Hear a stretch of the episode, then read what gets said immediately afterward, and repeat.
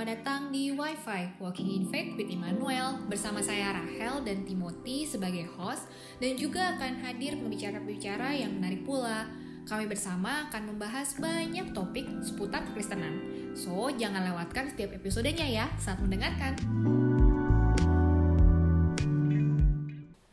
Halo Gundul, apa kabar nih? Hai, gila, baik-baik, bersyukur bisa. Akhirnya kita ketemu lagi nih, udah Akhirnya. gila, udah berapa lama kita nggak Dari pertama kali bikin podcast ini, nah, bener sih tiga bulan nah, yang bulan lalu Juni. kita udah online online, Iya. ya kan? Terus akhirnya untuk pertama kali kita Nah. for out. bener sekali. Wah, Tapi kita hari ini nggak cuma berdua dong. Nggak Mhm, boleh, mhm. kita nggak mungkin cuma berdua doang. Siapa nih Apa kita? eh, kita mau ajak diskusi kali ini? Hari ini kita kedatangan tamu istimewa, cie, the one and only Om Siapa? John Kusuma. Om John Kusuma, oke. Ayo Om, gimana kabarnya? Sangat-sangat baik Sangat-sangat baik. kelihatan loh Kelihatan muda sekali. Nggak kalah sama pembicara sebelumnya, semangat mudanya. Nggak kalah yang sebelumnya kalah lah. Iya benar sekali. Nah kali ini apa nih Shell? Kita mau diskusi apa? Kita kali ini mau berdiskusi tentang pandemi, tentang Mhm. corona dan gereja gitu secara Mhm, mhm. agamai. Nah, tapi sebelum kita masuk ke dalam tema itu, sebelum kita mau sharing-sharing nih bertiga, aku mau ajak Om John dan juga Gundul eh, bermain. Ya, ada, ada aku udah siapin empat pertanyaan. Jawabannya lebih ke arah sharing sih menurut kalian secara pribadi seperti apa gitu ya. Kita langsung mulai aja deh ya ke Boleh. pertanyaan pertama. Eh, kapan pertama kali Om John atau Gundul mendengar tentang coronavirus? Mungkin dari aku ya. Eh, aku sih dari bulan Januari kayaknya ya, yang mulai di China-nya udah mulai Yang di Wuhan berita ya? di mana-mana. Iya. Mhm. Om John kapan nih pertama kali dengar? ya kira-kira segitu juga ya atau sogar eh, and the, CRS kan sudah sebenarnya mulai eh, heboh ya cuman Hmm. karena jauh kita merasa ah ini Nah. kayak Nggak mungkin nyampe. Nggak Ya, nyampe lah gitu ya. lah Itu urusan Cina lah ya, kita enggak gitu ya. Waduh. Aduh. Oke, nah barang apa yang pertama kali dibeli waktu tahu wah ternyata doh sampai juga ke Berlin virusnya. Kan waktu itu awal-awal mereka pada hamster kauf kan. Nah, eh, barang-barang apa nih yang kalian mungkin pernah jadinya stok gitu atau jadi beli banyak? Ada nggak? Eh, dari aku nih ada pengalaman cukup menarik nih awal-awal tahu ada corona. Mhm. Jadi waktu itu bulan-bulan yang masuk Berlin ya, bulan-bulan Maret itu justru malah aku eh, sakit batuk sekitar 1-2 bulan dan nggak tahu apakah itu corona atau enggak gitu. Dan akhirnya nggak ikutan panik belanja, yang panik adalah tetangga yang mesti belanjain saya gitu. Termasuk Hmm. kan ada pelayanan juga dari gereja yang ngebantu teman-teman yang nggak bisa pergi keluar. Jadi mereka aja yang panik. Akunya cuma di rumah tinggal mateng makanan gitu biasanya. manja ya, manja. Minta diperhatiin. Iya. Om Om? Jung gimana? selama eh, dari awal sih sebenarnya kita nggak di rumah nggak panik dalam arti nggak pernah belanja yang over seperti itu. Ya.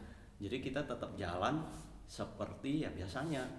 Karena seuiso pemerintah waktu itu sejak awal sudah menjamin untuk kebutuhan sehari-hari itu selalu akan tersedia. Jadi kami tetap belanja seperti biasa. Sama seperti sebelum eh, apa namanya sebelum pandemi gitu.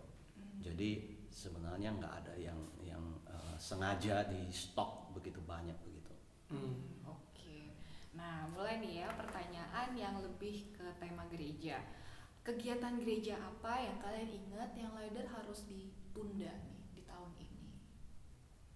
Kegiatan apa? Satu aja kegiatan. Waktu itu sih kalau dari aku di minggu itu banget di hari Jumatnya itu sebenarnya di HK aku di house class di persekutuan kita uh, kita mau ngadain praise and worship. Jadi kita udah latihan kita udah nyiapin. Eh hari H dari ketua HK kami bilang kalau wah leader kita udah nggak bisa HK lagi sampai waktu yang kita nggak pernah tahu. Itu sih yang benar-benar gerade waktu itu. Yang pasti BCP masih ditunda. Lalu baptisan yang seharusnya minggu depan kita laksanakan itu eh, sementara ditunda ke akhir Oktober tanggal Hmm. 25 tapi itu pun kita nggak bisa pastiin bahwa kita pasti bisa menjalankan karena masih tergantung eh, perkembangan sekarang kan. Karena eh, di kita tahu di Jerman sekalipun jumlah orang yang kena infeksi kan semakin bertambah juga sama seperti di negara-negara lain. Jadi eh, kita siap-siap dan open. Kalau memang kita bisa jalanin kita akan jalanin. Tapi kalau memang masih tunda lagi ya kita akan tunda sih. Hmm. Iya. Oke, nah pertanyaan terakhir kapan yang kalian inget ya, kapan sih kita terakhir kali beribadah bersama dengan full jemaat yang hadir semuanya? Kira-kira inget nggak? Nggak usah tanggal, tapi kira-kira bulan apa tuh? Waktu Terakhir itu kalau nggak salah kita terakhir kumpul full team uh, waktu ibadah misi.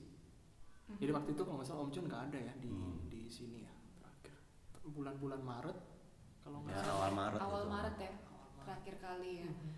Udah lima bulan ya. Kebayang nggak sih? Atau waktu itu pasti kan kita semua nggak nyangka wah ini hari ini atau minggu ini adalah terakhir kali kita akan berkumpul bersama jemaat yang lain 95 orang hampir 100 orang. Nah setiap minggu dulu kalau hadir itu akan menjadi hari terakhir. Pasti nggak kebayang nah Ya kebayang juga. Dan aku sendiri juga salah satu pengalaman pribadi ada uh, satu jemaat yang terakhir kali ketemu ya di ibadah terakhir itu gitu. Dan uh, Tuhan izinin untuk uh, beliau dipanggil pulang gitu ke Bapak. Jadi beneran pertemu terakhir ya di tanggal itu dan itu juga jadi salah satu apa ya ya kenangan juga sih. Nggak Mhm. nyangka kalau itu momen terakhir gitu hmm. bertemu dengan seseorang yang kita kasih juga. aha. nah untuk Om John sendiri ada eh, pengalaman gak nih selama lima bulan ini kayaknya wah tiba-tiba jadi online so ada ada pengalaman pribadi Ya sangat banyak pengalaman yang em, salah satu eh, karena saya mesti dampingin seorang jemaat sebelum eh, apa namanya em, apa sebelum dia masuk rumah sakit waktu itu. Eh ternyata eh, setelah itu saya mesti eh, karantina mandiri juga. Itu satu pengalaman tersendiri bahwa eh, selama 14 hari eh, harus ada di rumah nggak bisa ke mana-mana ya sama seperti tadi eh, Timothy dia em, apa selama itu dibelanjain sama teman-teman Dimanjain. dimanjain Iya. di, dibelanjain sama teman-teman dari eh, diakonia gitu Iya, kan. Ya, itu satu tapi selama perjalanan eh, corona eh, eh, eh, dari awal ketika semua keadaan itu berubah saya belajar untuk eh, apa namanya untuk percaya seperti Mazmur 91 ya yang pernah saya bagikan juga eh, pada awal-awal corona itu yaitu bahwa orang benar Tuhan akan jaga dari segala penyakit. Itu satu segi tapi segi yang lain itu seperti kata Amsal orang yang eh, berpengertian. Dia itu punya pengetahuan. Jadi artinya walaupun eh, tahu Tuhan akan jaga tapi tetap mesti berhikmat juga. Nggak sembarangan wah karena Tuhan jaga saya bisa sembarangan. Jadi kedua hal ini nih sebenarnya yang selama ini yang menjadi panduan buat saya di dalam eh, ya baik secara pribadi juga banyak hal nanti di dalam hal-hal berkenan dengan kehidupan bergereja kehidupan eh, apa eh, berjemaat Eh, dua prinsip ini yang yang saya coba terapkan gitu Hmm. Dan aku sendiri juga waktu uh, awal-awal kita ada corona, terus gereja juga uh, kita harus rubah gitu uh, ibadah kita gitu.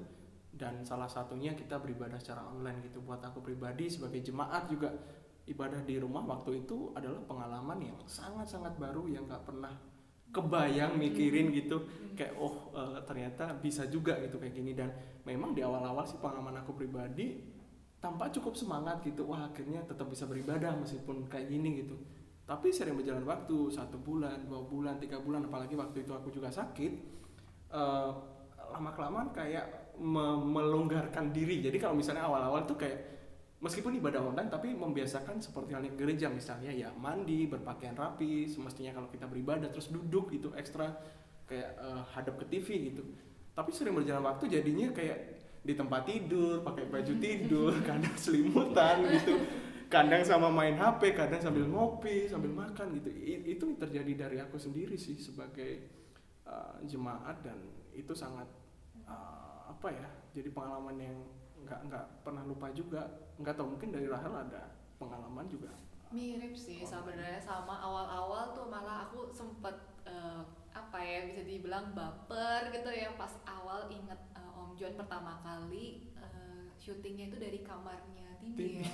Pakai headsetnya Timi terus kan cuman eh, renungan doang Iya, gitu kan. bener-bener. Itu sempet kayak sedih kayak ya ampun ini real loh ini pertama kalinya dalam hidup aku selama bertahun-tahun berjemaat di sini nggak pernah mengalami hal seperti itu Mhm. gitu kan tapi ya satu sisi Dambar tetap eh, dari pelayan-pelayan multimedia dan juga bidang pelayanan lain mengusahakan tetap ada kebaktian walaupun mungkin yang sama ya aku juga ngerasain yang kayak Gundul juga rasakan lama-lama kayak aduh ada deh santai-santai deh. Duh kayak sambil lapar ya udah sambil ngechips kayak gitu-gitu. Jadinya rada-rada berkurang di tingkat keseriusannya. Jadi kayak Netflix and chill ya. Nah bener ya kan, jadi kayak nonton doang gitu loh. Padahal sebenarnya kan kita harusnya bersama-sama beribadah kan? Mhm. gitu.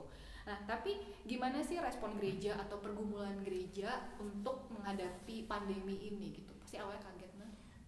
Ya, sebenarnya kita semua saya rasa memang tidak siap karena ini sesuatu yang orang tidak pernah terpikirkan dan kita bisa lihat juga kan dalam hidup sehari-hari eh, semua pada kelabakan seperti itu.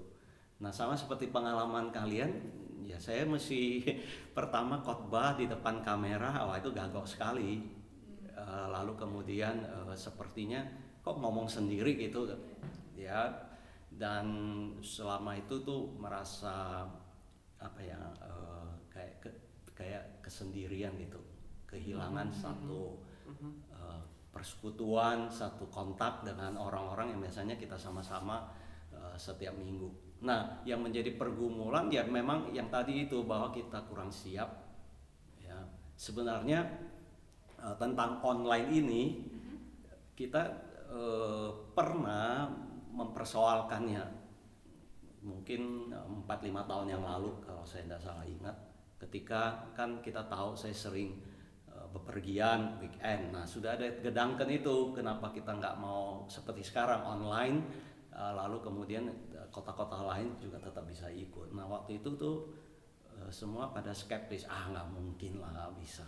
Kita nggak punya SDM kita nggak eh, apa mesti mahal segala macam. Eh tapi dengan corona akhirnya kita dipaksa tetap bisa juga walaupun ya pergumulannya kita eh, mesti selalu eh, try on error ya di dalam menjalankan eh, pelayanan-pelayanan secara online. Nah itu satu segi. Segi yang lain adalah eh, dalam relasi dengan jemaat itu kan teknisnya ya.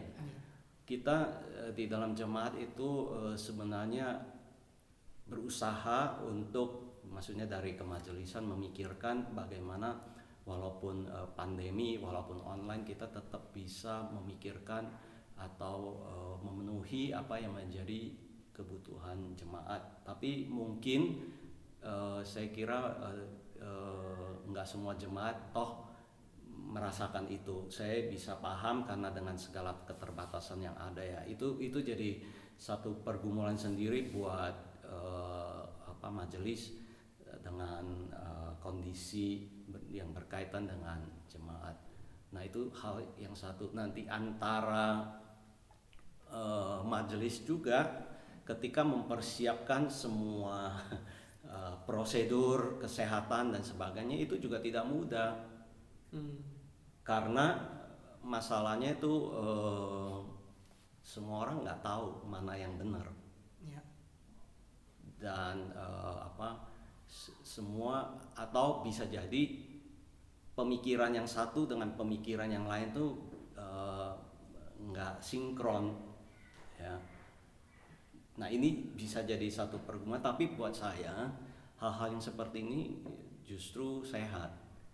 Jadi bahwa kita sama-sama nggak ada kepastian, kita coba pikirkan yang terbaik dengan einbeziehen, dengan ikut eh, dengan yang tadi saya bilang pengetahuan-pengetahuan yang ada dari yang kita dapat dari virolog, dari pemerintah Berlin khususnya, bagaimana kita bisa kemudian eh, coba mengaplikasikan yang pada akhirnya mendatangkan kebaikan buat semua jemaat.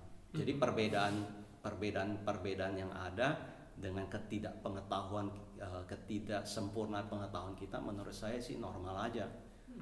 Jadi itu satu pergumulan tetapi mestinya itu nggak harus jadi persoalan yang yang besar. Kalau kita sepakat kita coba pikirkan yang terbaik dengan berbagai perhitungan untuk kebaikan semua jemaat. Ya walaupun mungkin di diskusi itu namanya juga diskusi kadang-kadang bisa uh, bisa hefty bisa agak keras dan sebagainya. Menurut saya itu mah wajar-wajar aja. Hmm.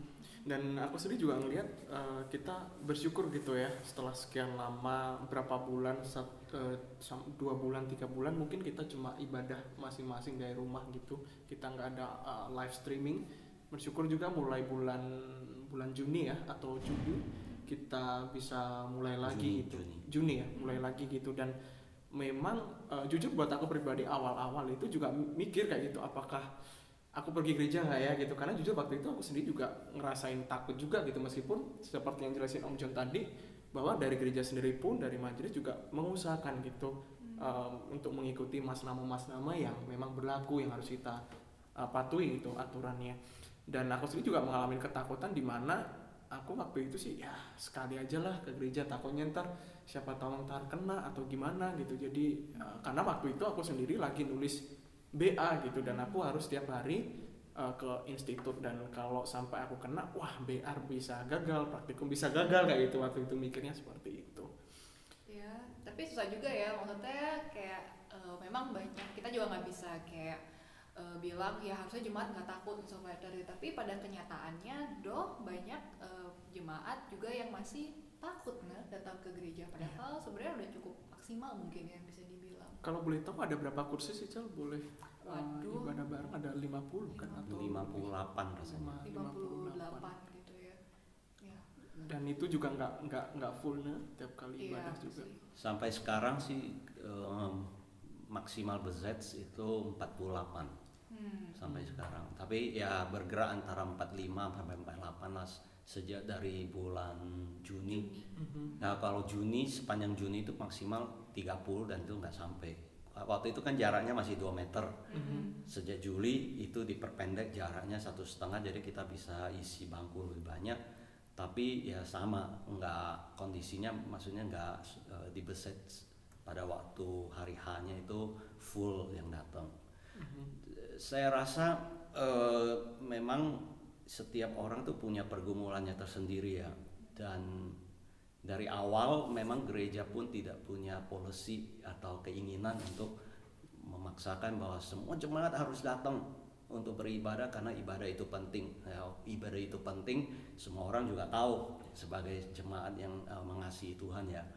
Nah, tapi tentu ada pergumulan-pergumulan tertentu. Namun eh, bagi saya itu eh, ada mungkin pemikiran-pemikiran yang buat kita untuk mikir. Misalnya contoh tadi eh, Timothy di awal BA-nya dia sering ke institut ya, ya, benar yang mungkin seminggu bisa lima hari misalnya ya. Dan dia ke gereja mestinya seminggu sekali. Nah sebenarnya kalau kita mau mikir secara logis kemungkinan orang bisa tertular lebih sering yang mana, ah, lebih gampang yang mana? Tentu yang lebih sering ketemu dong. Iya. Nah memang kalau saya bisa memahami kalau misalnya ada teman-teman yang mungkin rada-rada apa eh, eh, hati-hati ya jangan sampai gereja ini jadi sumber apa itu klaster Ya.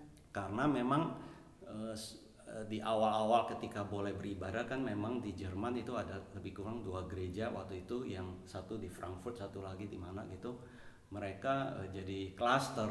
Barangkali ya eh, dari kasus itu tuh jadi orang jadi lebih berhati-hati. Menurut saya itu sesuatu yang sangat baik kalau kita berhati-hati. Ya namun eh, tentang eh, kasus-kasus yang terjadi itu tuh di media itu tidak memberitahukan kepada kita bagaimana waktu itu gereja tersebut yang bersangkutan eh, melaksanakan eh, apa protokol kesehatan ya.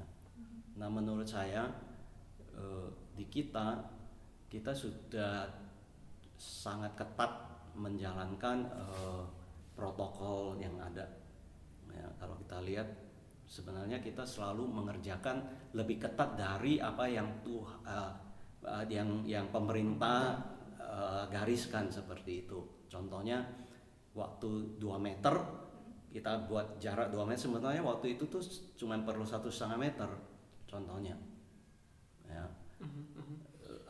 lalu kemudian ya tentang kita tidak di awal tidak ada pertemuan setelah kebaktian ya sebenarnya sejak awal itu juga sudah boleh. Kalau di Di apa di garden iya. orang boleh ketemu tapi kita nggak mau sembarangan. Makanya kita jaga baik-baik supaya eh, eh, kita di dalam beribadah itu bisa berjalan jangka panjang. Jangan sampai memang betul kita jadi cluster seperti itu. Itu satu hal. Hal yang lain adalah Mungkin aku ada nyambung Ya, ya, pertanyaan juga silakan. Om John. Eh, tentu pasti dari gereja akan mengusahakan yang terbaik itu untuk eh, gimana kita mencegah kejadian yang mungkin tidak kita inginkan. Tapi bagaimana eh, meresponi fenomena ini nih? Kan maksudnya aku sendiri sebagai seorang student eh, selalu berargumen, aduh eh, males gitu apalagi sekarang lagi ngerjain BA, mesti praktikum gitu. Kalau gereja eh, kayak jadi alasan gitu gitu. Eh, ya udahlah gereja so-so bisa online gitu, bisa kita dengerin uh, di rumah kita tanpa kehilangan waktu tanpa kehilangan uh, apalah misalnya apalagi aku sendiri tinggal di Berlin juga agak jauh gitu untuk menuju ke gereja kita beribadah gitu. Jadi kadang-kadang hal itu menjadi alasan juga gitu loh. Nah bagaimana dengan mungkin uh, jemaat yang lain yang mungkin yang berkeluarga mungkin yang bekerja gitu uh, bagaimana juga uh, Om John melihat hal ini juga gitu? Ya itu saya uh, melihat bahwa dengan aktivitas kita yang sudah sebenarnya kalau menurut saya sudah normal sih. Jadi orang bekerja ya sudah full, orang beraktivitas ya full. Misalnya orang yang bisa pergi makan, eh, yang kita tahu di restoran itu tidak semua eh, menjaga jarak ya. Misalnya itu kita pergi ya atau kita juga pergi eh, keluar kota ya kita tahu di daerah-daerah tertentu eh, malah eh, kondisi infeksinya itu tuh eh, sangat banyak. Ya. Tapi sepertinya kita kurang eh, apa khawatir kalau kita bisa ada apa-apa di sana. Tetapi kalau ke gereja itu sepertinya itu takut seperti yang tadi. Iya, iya. si apa eh, Timothy oh nanti saya kena saya nggak bisa terusin eh, apa namanya terusin eh, apa itu BA-nya ya. Iya, benar. Ya jadi saya kira sebenarnya kembali lagi kepada eh, apa namanya kalau soal ibadah ya. Tadi juga bilang lebih apa enak di rumah nggak usah pergi jauh-jauh lebih nyaman. Ya sebenarnya eh, buat saya itu berehti atau sah-sah saja. Karena memang kenyataannya lebih nyaman. Tetapi eh, kita tahu bahwa dalam kita beribadah seharusnya kan kita nggak sendirian. Kalau kita eh, beribadah di gereja kita ada pertemuan kan di situ ada sebuah persekutuan relasi satu dengan yang lain yang sebenarnya kita nggak bisa verzichten ya. nah saya pikir eh, seperti yang yang tadi saya bilang eh, dari awal apa yang Tuhan ajarkan dalam Alkitab misalnya Mazmur 91 dan tadi eh, salah satunya itu eh, Amsal 18 ayat 15 tentang pengetahuan itu ya. Jadi antara iman dan hikmat pengetahuan itu tuh mesti jalan bareng-bareng. Kita jangan eh, timpang nah pada waktu kita timpang maka akan muncul gangguan dalam tanda petik buat kita datang eh, kepada sebuah persekutuan gitu. Jadi saya sebenarnya kalau di dalam hal ini sih mau mendorong orang-orang yang masih eh, apa sangat hati-hati ya oke itu sesuatu yang baik tapi coba melihat satu realita bahwa hidup kita itu sudah normal. Dan bagaimana kita coba usahakan juga eh, di dalam hidup bergereja juga supaya bisa menjadi lebih normal kembali mendekati kepada yang eh, sebelumnya. Walaupun ya tentu kita belum bisa untuk seperti dulu ya. Jadi saya mendorong eh, supaya kita coba gumulin lagi.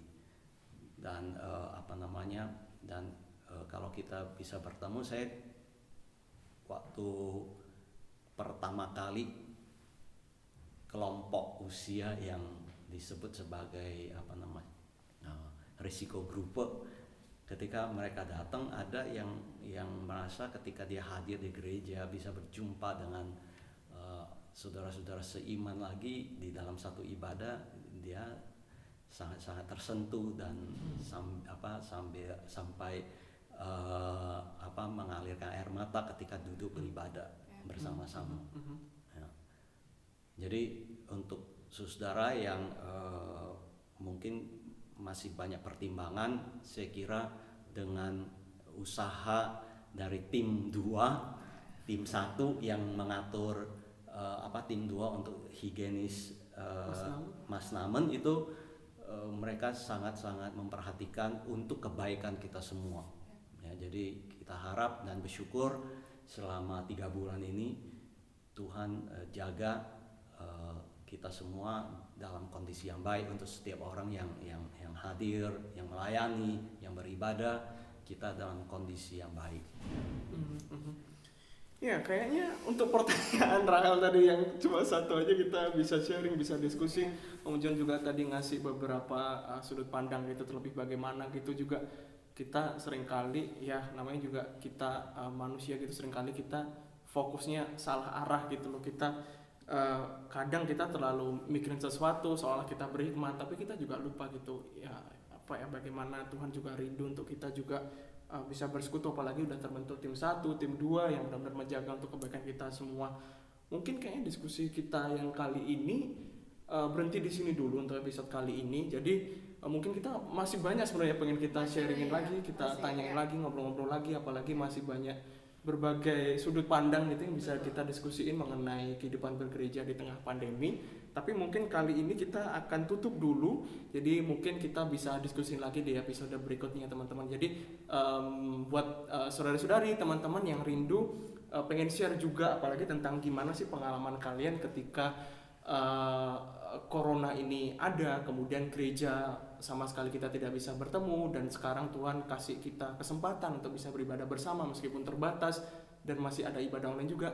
Mungkin kalian juga bisa share, kita sangat senang sekali. Jadi kalian bisa mungkin DM di Instagram, bisa di Facebook juga nanti admin akan proses lagi. So mungkin itu sih jauh dari aku sendiri. Dan kita juga sangat berterima kasih nih buat Om John yang sudah mau hadir di tengah-tengah kita. Jangan-jangan bosan-bosan ya Om ya. Kita akan ketemu lagi di episode-episode berikutnya. Dengan senang hati. Pasti kita akan ketemu Om John lagi karena kita Pasti. masih ada pertanyaan nih untuk yang Pasti, konteks masih corona banyak dan kok, tenang Masih aja. so, oke buat semuanya, thank you untuk uh, waktunya untuk mulai mendengar podcast ini. Ditunggu ya feedbacknya. Sampai jumpa. Sampai jumpa teman-teman. Tuhan Yesus memberkati.